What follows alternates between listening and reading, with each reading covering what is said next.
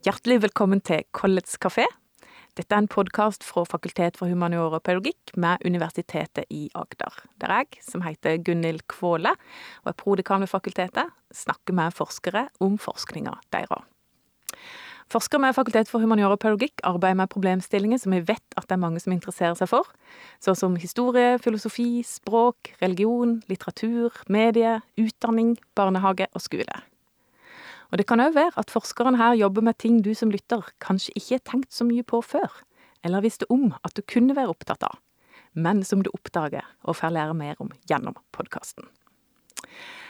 Og dagens tema Dagens podkast skal handle om et tema som jeg tror at stort sett alle er kjent med, men som jeg tror at ikke nødvendigvis er så mange som er kjent med som et forskningsfelt.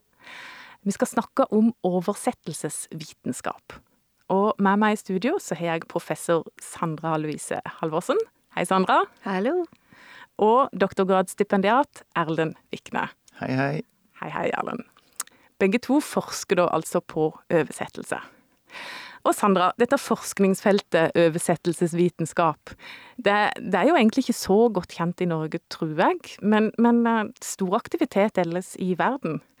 Men, men hva er oversettelsesvitenskap? Ja, det er jo et felt som tar for seg å finne ut mest mulig og prøve å forklare i siste instans hvor, hvorfor oversettelser ser ut som de gjør.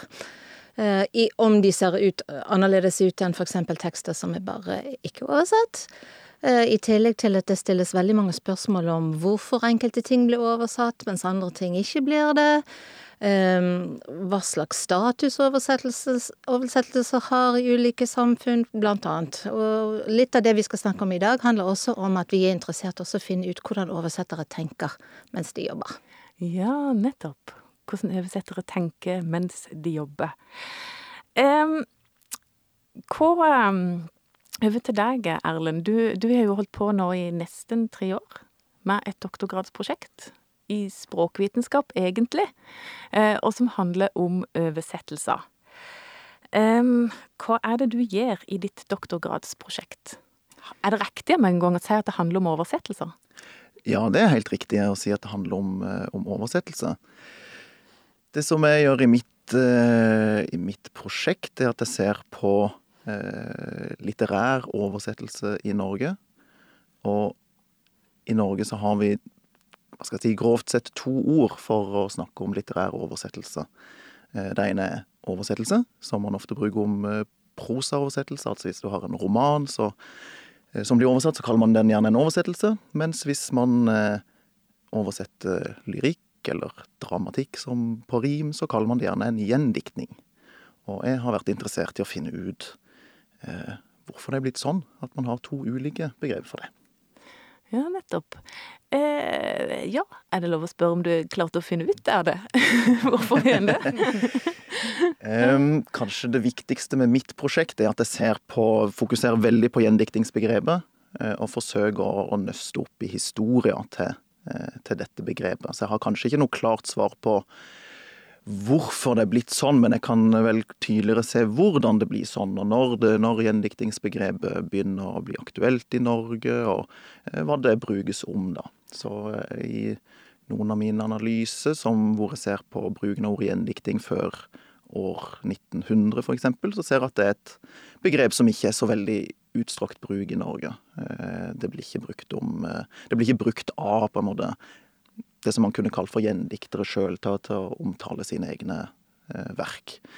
Så det som vi ser, eller det som jeg har funnet ut, er vel at, at ordet gjendikting blir i større grad brukt litt på 1920-tallet om, om gjendikta lyrikk. Og så skjer det noe i, ikke bare i oversettelse i Norge, men, men, men i norsk kultur på 1960- og 70-tallet, og det er at man får en kulturpolitikk som stimulerer bokproduksjon, og da uh, blir òg uh, gjendiktingsbegrepet mer og mer brukt. Ja, det er tett sammenfiltra med andre tendenser. Veldig. Og det er kanskje noe av det grunnleggende med mitt prosjekt, er at jeg, jeg ser på det sosiale rundt, rundt oversettelse. Jeg ser hvordan oversettelse, og da gjendikting som en form for oversettelse, inngår i samfunnet. Nettopp. Eh, er, er det egentlig gjendiktet et særnorsk begrep? Har det i dansk og svensk? Det er ikke sikkert du kan svare på dette på stående fot, men jeg ble så nysgjerrig. Jeg kan si at eh, jo, man har gjendikting på, på dansk, men det har ikke den samme eh, posisjonen i Danmark som i Norge. I Norge så er det knytta knytta til eh, offentlige støtteordninger for produksjon av, litteratur. og det, Sånn er det ikke i, i Danmark. Og så kan man si at et særnorsk eh, fenomen fordi gjendikting er et norsk ordbegrep. Andre steder så har de eh, så har man òg flere ord for oversettelse, flere oversettelsesbegreper. Så eh, det at det finnes mer enn ett eller mer enn to eller mer enn tre begrep i Norge, det, det er ikke unikt. Vi er jo midt inne i oversettelsesfeltet. Hvordan oversette et ord som, som, eh, som gjendiktning. Og, og, kanskje ordet finnes, men så betyr det likevel noe ganske annet fordi at den kulturelle konteksten er så ulik. La oss skifte litt over igjen til deg, Sandra, for nå hører vi at Erlend jobber med litterære oversettelser. Nokså sånn sosiologisk orientert, hvis jeg skjønner det rett. Eh, hva gjør du når du forsker på oversettelser? Ja, altså jeg kan snakke gjerne om et prosjekt som jeg holder på med akkurat nå. Og du kan si det største delen av min forskning har vel blitt plassert i det som kalles for kognitive oversettelsesstudier. Og det er en veldig voksende område i oversettelsesforskning der vi er litt opptatt av kognitive prosesser hos oversetteren. Hvordan er det de gjør bruk av sin språkkunnskap? Hva slags andre typer kunnskap gjør de bruk av? Hva er det som påvirker oversettelsesprosessen, og den type ting. Jobber du òg med på en måte det litterære feltet, eller hva slags sjangre og tekster er det som din forskning dreid seg om? Det er kanskje et mangfold? Eh? Ja, det, det, er jo egentlig det. Det er et mangfold. Så, så når, når, jeg er ute og sanker inn data, så har vi brukt litt forskjellige typer tekster, egentlig. Så det er ikke så veldig avhengig av type tekst. Det som vi egentlig er mer opptatt av og interessert i, er Eh, forholdet mellom produksjon og, og prosessen mens oversetteren jobber, og hvordan den kobles opp mot ulike typer settinger og ulike, typer grad, eller ulike grader av erfaring. Altså hvor erfarne oversettere er, eksempel. Eh, det henger jo litt sammen med teksttyper, for det at de i mange samfunn, Norge inkludert, så er det ikke alltid de samme menneskene som oversetter litterære tekster, f.eks., som, eh, som oversetter andre typer tekst, f.eks. Det er jo stort sett to ulike yrkesgrupper. Det er jo ofte det. Det er to ja. ulike sfærer nesten av det kulturelle feltet. Det er så. Ja. Det er så. Men, eh, men du, du, er i gang med et ganske stort prosjekt nå. Eh, default Translations. Ja, ja. yeah. vil du oversette det? Ja, vet du, det har jeg sittet og grunnet på. Uh, du, uh, altså En enkel måte å forklare det på. Litt sånn usikker på om jeg ville brukt dette begrepet egentlig hele tiden, men det handler litt om automatikk i oversettelse. Hva som er de de, de, forte, de første, og gjerne de mest hyppige oversettelser som kommer av ord eller, eller grammatiske konstruksjoner for den del. Så det vi, vi, er interessert i i dette prosjektet, er å finne ut eh, hva er det oversettere gjør veldig problemfritt. Hvordan er det de over... Hva, slags, hva, hva kan vi se i deres produksjon som, som gjør tegn til at dette var lett for dem? Åssen metodisk finner dere ut av det? Ja, der, eh, der, er jo ulike måter å jobbe med dette på. Er, jeg har kolleger som forsker på dette her med å bruke øyesporing, for eksempel. Der er grupper i Tyskland og Italia annet som, som jobber med det. Men i dette prosjektet så bruker vi utelukkende tastetrykklogger. Og det kan jeg forklare kort. Altså, det er jo rett og slett et stykke eh, programvare som tar opp alle, alt som skjer på tastaturet mens oversetteren sitter og jobber, og samtidig som vi får, får melding om alt oversetteren har gjort på tastaturet, så er det tidsstempel på hver bevegelse. Så vi får vite akkurat hvor lang tid det gikk fra tast 1 til tast 2, hvor lang tid det gikk før oversetteren beveget seg fra ett ord til det andre, hvor lang tid det tok eh, mellom ulike segmenter, hvis hvis det er interesse. Så det ligger veldig mye informasjon i de, men det er også en veldig eh, metodisk utfordring å finne ut fornuftige måter å analysere de dataene på. Akkurat det satt jeg og tenkte på. Yeah. For med så detaljerte metoder så får du jo på mange måter enormt store datamengder som du på en eller annen måte må ja. gjøre noen, noen, utvalg innenfor. Ja, og, og et av de største spørsmålene innenfor den type forskning er jo hvordan du skal definere en pause. Ja. Altså, for du får ikke, du får ikke data som, som, sier noen ting om at her er en stopp, eller altså du, du får informasjon om tidsmengden mellom ett tastetrykk og en annen, men du må jo bestemme metodisk om det betyr noen ting eller ikke. om det sier deg noen ting, ikke sant. Ja.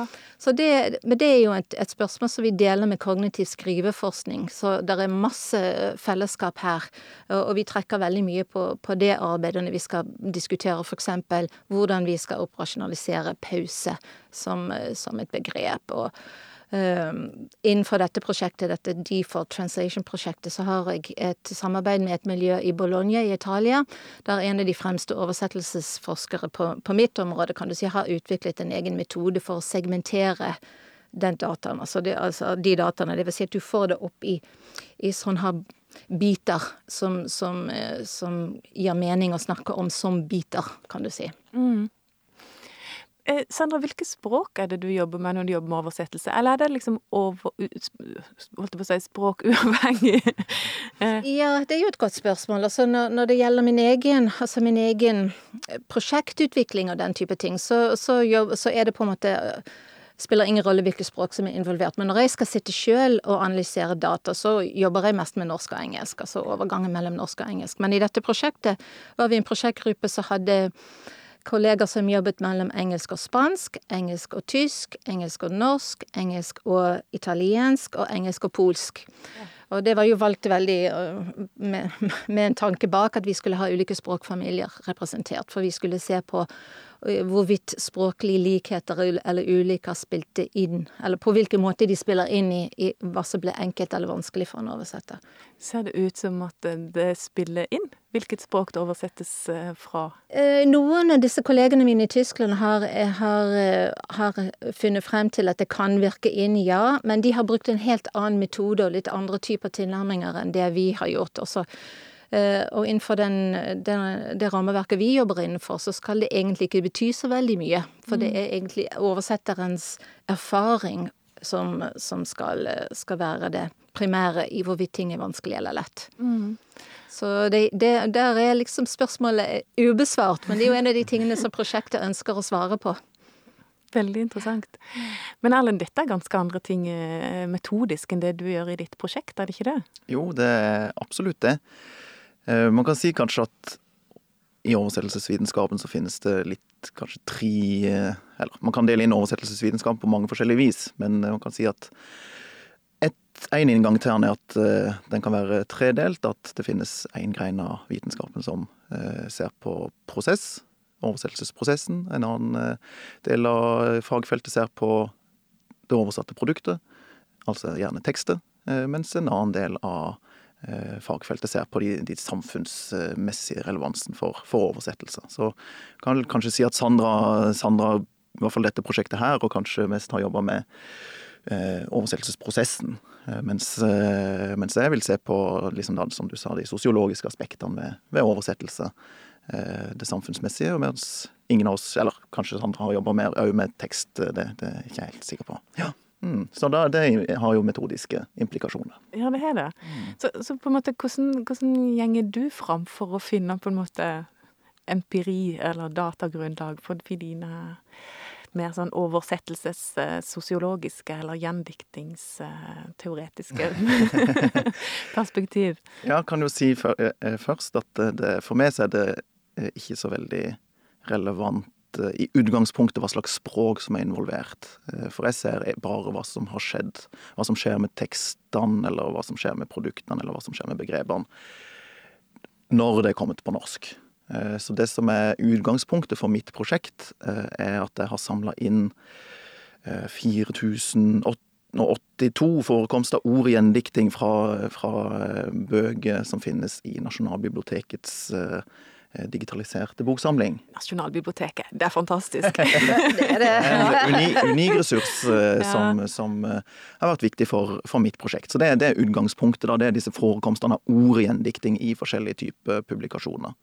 Og så har jeg forsøkt å finne egenskaper ved ordbruken der, da, altså hvem som kan, hvor ord forekommer i de forskjellige publikasjonene, hvem som kan tenkes å stå bak ordbruken. Eh, hvilke språk som er involvert når man eh, snakker om gjendikting, hvilke sjangre osv. Så, videre. så det har vært eh, den kvantitative komponenten av mitt prosjekt.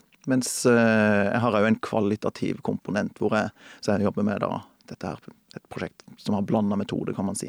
Mm. En kvalitativ komponent hvor jeg ser nærmere bl.a. på noen gjendikteres forhold til gjendiktingsbegrepet. da, Hvordan de gir mening til eh, det som jeg ser på som et skille mellom oversettelse og gjendikting. Leser du da hva de har skrevet omkring gjendiktning, eller hvordan får du tak på deres syn på Gjendikternes syn på gjendikting?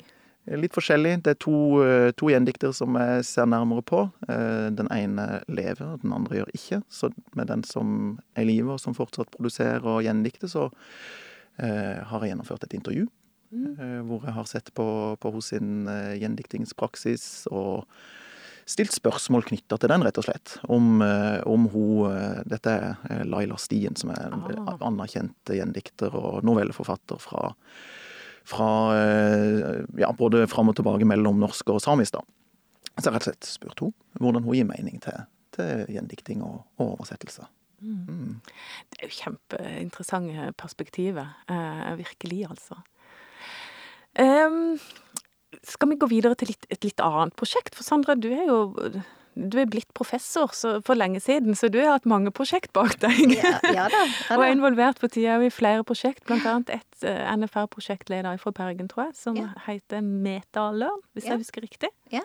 Fortell litt om det òg. Ja, det er jo noe ganske annet enn det som jeg snakket om i sted. Dette er et prosjekt som er ledet fra, fra HVL, og de fleste deltakere er, uh, jobber på lærerutdanning, og engelskfag i lærerutdanningen der. Og det handler om eh, begrepet metaspråklig bevissthet, altså bevissthet om språket, og ikke bare, eller kunnskap om språk, og ikke bare eh, kunnskap i et språk. Altså det er det du vet om språket, det du er i stand til å bruke, hvordan du er i stand til å bruke det. Så prosjektet har det som på en måte et overordnet begrep. Og det er utviklet bl.a. en rekke tester, og går i, vi går inn i tredjeklassen og skal gjøre en sånn veldig På barneskolen eller videregående? Barneskolen, ja. ja. Eh, og skal følge med på utviklingen eh, i metaspråklig bevissthet hos en, en, gruppe elever. Men det som er min del av dette her, det er en liten, en, en liten intervensjon. Vi har en idé om at vi kan hjelpe med å øke metaspråklig bevissthet, som jo da i neste omgang skal føre til bedre språklæring, ved å bruke oversettelsesoppgaver som en bestemt type pedagogikk. Og det kan jeg si litt om, for det er ikke bare å, å, å, trekke inn oversettelsesoppgaver. Det har man jo holdt på med i alle år, og det har jo til og med fått et litt sånn dårlig rykte i årenes løp. Eh, I, ved at folk eh, syntes ikke man skulle holde på med sånn grammatikkting, og man skulle i hvert fall ikke sitte og oversette setninger, for det lærte man ingenting av. Men, men den måten vi legger det opp på, er at vi går inn og setter elevene i grupper. Og de, de, har fått en liten tekst. Vi, vi, og intervensjonen består av fire økter i en tredje klasse over eh, noen måneder. Vi går inn, og så har vi laget et oppsett der de sitter og oversetter korte tekster, enten til engelsk fra norsk eller motsatt. Og etter de har laget et lite utkast, så skal de sitte i grupper og diskutere utkastene sine og komme frem til et fellesprodukt i gruppen sin. Og de dataene vi er interessert i, er både de tekstene de produserer Dette her er barn som ikke er lært opp til å oversette. De vet knapt hva det vil si å, å, produsere en oversettelse. Men det viser seg at de, de, er fullt ut i stand til å gjøre det. De, faktisk I de, de øktene jeg har vært med på, så har lærerne vært veldig imponert over det elevene klarer å produsere av oversettelser. Men det som vi egentlig er opptatt av også, er hvordan de snakker om språk. Og hva en oversettelsesoppgave gir de av anledning til å snakke om språklige valg og, og, hvordan de argumenterer for de valgene de gjør. Så vi, vi, håper jo at ved å bruke den type aktivitet i klasserommet, at det vil øke metaspråklig bevissthet, og så i neste omgang gi de litt verktøy når de skal fortsette å lære fremmedspråket kjempespennende. Og så vil jeg òg tro at en god del av elevene i eh, de fleste klasserom i Norge i dag, så er det ganske mange språk tilgjengelige som ressurser i en ja. sånn samtale. Ja. Altså når jeg vokste opp i Indre Agder på 80-tallet, så, så, var det ikke så veldig mange andre eh, Så veldig mange som hadde noe annet enn norsk som morsmål. Men nå har jo i de fleste klasser er det noen med et annet morsmål, noen med flere morsmål, noen som er trespråklige når de begynner på skolen. Så Ser ja. du ikke sånne ting òg? Jo da, det, det, gjør vi. Så den, den ene um, økt, altså den ene dagen si, da vi er i klasserommet, så har vi en oppgave som inviterer til diskusjon av alle, alle de språklige ressursene som elevene har med seg. Og ideen er jo også den, den, den, overordnede rammen for dette prosjektet er jo sånn flerspråklighetsperspektiv. At jo mer en tar i bruk alle de språklige ressurser elevene har i klasserommet, jo bedre er det for alle. Ja. Så, så, dette her er på en måte en veldig sånn håndfast måte å invitere til at språkressursene blir tatt i bruk, og at man blir lært opp, på en måte. Ikke lært opp, men øvd i å snakke om språk, og stille seg spørrende til språk, og, og reflektere over ulike språklige muligheter. Og ideen er jo at oversettelsesoppgaver er jo perfekt designet til å åpne opp for den type samtalen. Og det, det opplever vi at, at det er. Jeg har følelse at oversettelsesfeltet har vært i ganske sterk vekst, både nasjonalt, men ikke minst internasjonalt de siste årene, i takt med et stadig mer globalisert samfunn og språklig mangfold. Eh, er det, er det en riktig antakelse? Dere nikker her, men det er ikke sikkert lytterne våre hører det. Ja, nei, det, det, er riktig sagt, altså. Det er jo kanskje en, et lite tankekors at dette feltet er litt lite i Norge i forhold til hva det er i utlandet. Og det er jo mange som ville kanskje tro at dette her er en utdøende rase, fordi at nå er det kommet masse teknologiske løsninger som kan oversette både tekst, og det kan være det talegjenkjenning, og det det ene med det andre. Men da vi snakker med, og det gjør vi når vi snakker med industrirepresentanter, så sier de nei, heller tvert imot. Altså, teknologien er veldig bra til veldig mye, men det, er, det produseres mer tekst. Det produseres masse, mange ulike typer tekst, og da trenger vi også mennesker som kan ta det som maskinen ikke kan ta. Og dette fører til at det er veldig store, store forskningsprosjekter. Og dette er et stort forskningsfelt både i, i, Europa for øvrig og i Asia. Altså i Kina har de over 200 programmer, masterprogrammer som utdanner oversetter og tolker. Eksempel. Kina er jo et stort land, men det sier jo litt om satsingen, ikke sant? Det gjør det, og det sier vel eh, Altså en ser det jo Hva skal du si humaniora blir jo ofte møtt med liksom forventning om eh, sin samfunnsrelevans og måtte legitimere og begrunne den, men, men, dette er jo et felt der en virkelig ser nødvendigheten av, av språkkompetanse eh, og humanistisk forståelse. Ja, absolutt. Ja. Absolutt. Men um, la oss snakke litt om, om liksom Fortsette litt med den tråden med, med studiesida. For, for Sandra, du er vel også studieprogramleder for ett av Norges få, eller eneste, masterprogram i oversettelse og fagspråklig kommunikasjon.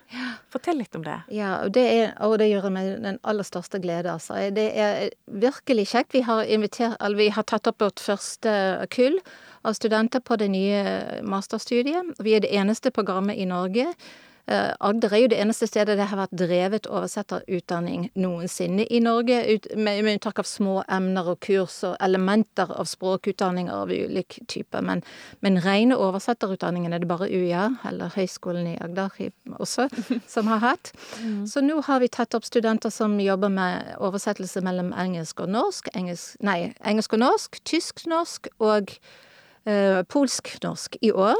Og til, til, høsten igjen så tar vi opp med både russisk og spansk i tillegg til engelsk. Så planen er jo at vi skal rotere språkparene etter hvert. Vi har fylt opp alle studieplasser og har stor, eh, stor interesse ute for dette.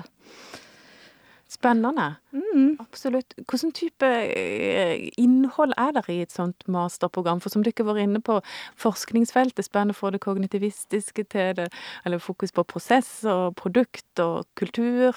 Hva, hva, er, det, hva er det de får eh, særlig erfaring med? Ja, altså det er jo et masterstudium, så det er jo et, element, et, forskningselement også, ikke sant. De har en innføring i oversettelsesvitenskap, det har de. Og så skal de skrive en masteroppgave på 40 studiepoeng. Mm. Eh, det er også, stor, det er også et, eh, et, emne i første semester i norsk. Altså norsk språk og tekst, heter, heter det.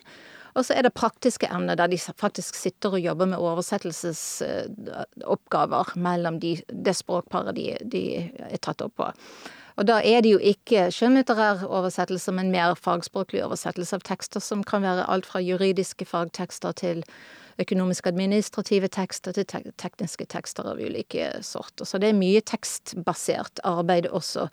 Uh, og selv om det høres snevert ut, så, så, mener jeg det ikke sånn. ikke sant? For å oversette tekst, så må du ha nettopp alle de, den type kunnskap som du nevner, Gunhild. Altså at skal, man skal ha en veldig stor språklig, kulturell uh, ballast mer seg inn.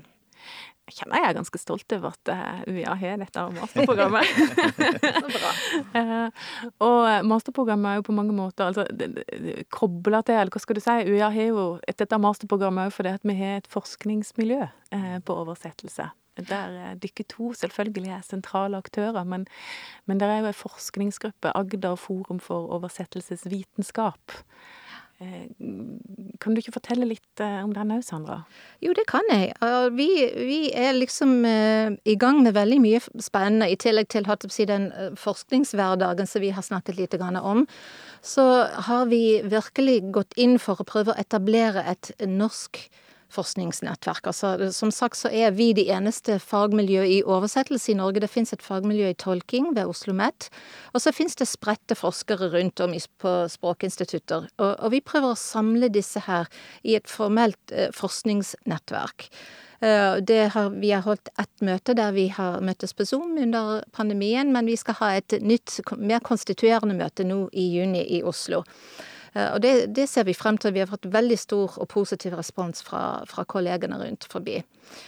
Og i tillegg til det så skal vi lokalt ha et, eh, et seminar, eh, en rekke, seminarrekke nå i april, der vi har invitert til møte med de fagorganisasjonene, altså skjønnlitterære oversettere, fagoversettere, teksterne og ja, det er fem sånn, sånne organisasjoner i Norge. De kommer til oss i neste uke, og vi skal diskutere mulige former for samarbeid. Bare også liksom signalisere at vi, vi, vi vil kjenne de bedre, mm. og at vi vil vi etter, etter, opprette kanaler for kommunikasjon med de. Og så vi, har vi to seminarer til, eh, der vi har invitert næringen, altså aktørene ute som, som betaler for å få ting oversatt, mm. og også eh, de mer offentlige forbrukerne av oversettelse. Da er det alt fra Språkrådet, til NRK, til ja, en hel rekke andre som, som kommer til oss også på et, et, seminar senere i april. Så når denne rekken er ferdig, så skal vi være Vi skal være godt kjent, men vi skal også bli bedre kjent med de som har behov for de, uh, den kompetansen som vi sitter inne med. Ja. Ja, for det er klart at det er det nok eh, Hva skal du si? En, en hører det jo. At det, at det der er stort behov for, for oversettelseskompetanse. Men det er noe med å, få komme i direkte dialog med de som virkelig vet hvor henne skoen trykker der ute. Mm. Mm. Eh, på det litterære feltet så er det jo hele tida ting som skjer. og eh, Hva tror du, Erlend, om, om liksom eh, framtida for, for gjendiktningene? jeg tenker nå er det jo en eh, Vi har ikke vært så mye inne på endringene i medielandskapet, men det er jo òg et, et, element i bildet her. Eh, gjendiktningene er jo i stor grad knytta til den de trykte verkene, og du er inne på kulturstøtteordningene og sånt, som dette her er kobla opp til. Eh, litterære gjendiktning er jo ofte vært interessert i god kvalitet. God litterær kvalitet.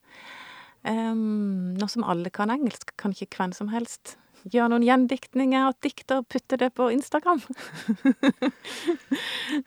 Jo, det kan absolutt alle gjøre, og det syns jeg jo alle burde gjøre, selvfølgelig. Altså å forsøke, forsøke å, å gjenskape et litterært verk, eh, om det så bare for seg sjøl eller for Instagram-følgerne sine, det er jo absolutt viktig. Men så, så er det jo eh, ingen eh, tvil om at de, de de elementene som strukturerer det norske litterære feltet, som, som er den offentlige kulturpolitikk, som er det viktige eh, arbeidet som fagorganisasjonene gjør, det være seg Den norske forfatterforening, Norsk oversetterforening og alt sånt, det som er i forhandling med, med forleggere om betingelsene for all litteratur, òg gjendikta litteratur. Det er et, et, veldig viktig arbeid som, som det vil bli interessant f.eks. å se hva kan munne ut i av boklov, som er lova den, den nye regjeringa. Det vil ha betydning Ja, veldig spennende. Det vil ha betydning for hele det norske litterære feltet. Selvfølgelig for alle som ønsker å lese litteratur.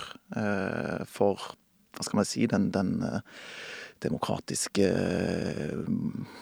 ressursene som man, man har i samfunnet, med, med biblioteker og sånn, som, som, stiller denne gode litteraturen til rådighet. Så, så det blir veldig spennende å se eh, hvordan, hvordan, disse prosessene går. Og det vil selvfølgelig ha noe å si for gjendiktningas eh, posisjon i, i Norge. Mhm. Ja, for de eh, strukturelle politiske støttesystemene har jo utrolig mye å si for framveksten av god norsk litteratur, gode norske gjendiktninger. Eh, Så eh, Ingen tvil om, eh, ingen tvil om det. Mm. Jeg lurer på om vi må snart runde av, men er det noen av dere som har lyst til å ha noe, et siste budskap til verden før vi runder av? Er det noe dere brenner inne med?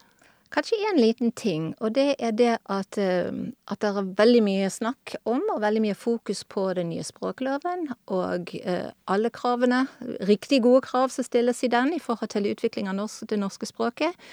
Og jeg eh, vil eh, veldig gjerne si at vi må ikke glemme at oversettere er en veldig god bidragsyter i det arbeidet. Det er ikke bare at alle skal skrive god norsk og engelsk, men, men oversetteren kan hjelpe til med å utvikle det norske fagspråket og gjøre veldig mye mer tekst tilgjengelig på norsk enn kanskje alle er det i dag. Så det er gode fotsoldater i det arbeidet. Ja, viktig poeng, altså. Da tror jeg jeg skal runde av samtalen med å si tusen takk til dere begge to for en veldig opplysende og interessant samtale, i hvert fall jeg opplevde sånn, om oversettelser og oversettelsesforskning. Eh, og eh, Collets kafé takker dermed for eh, denne gang. Vi høres.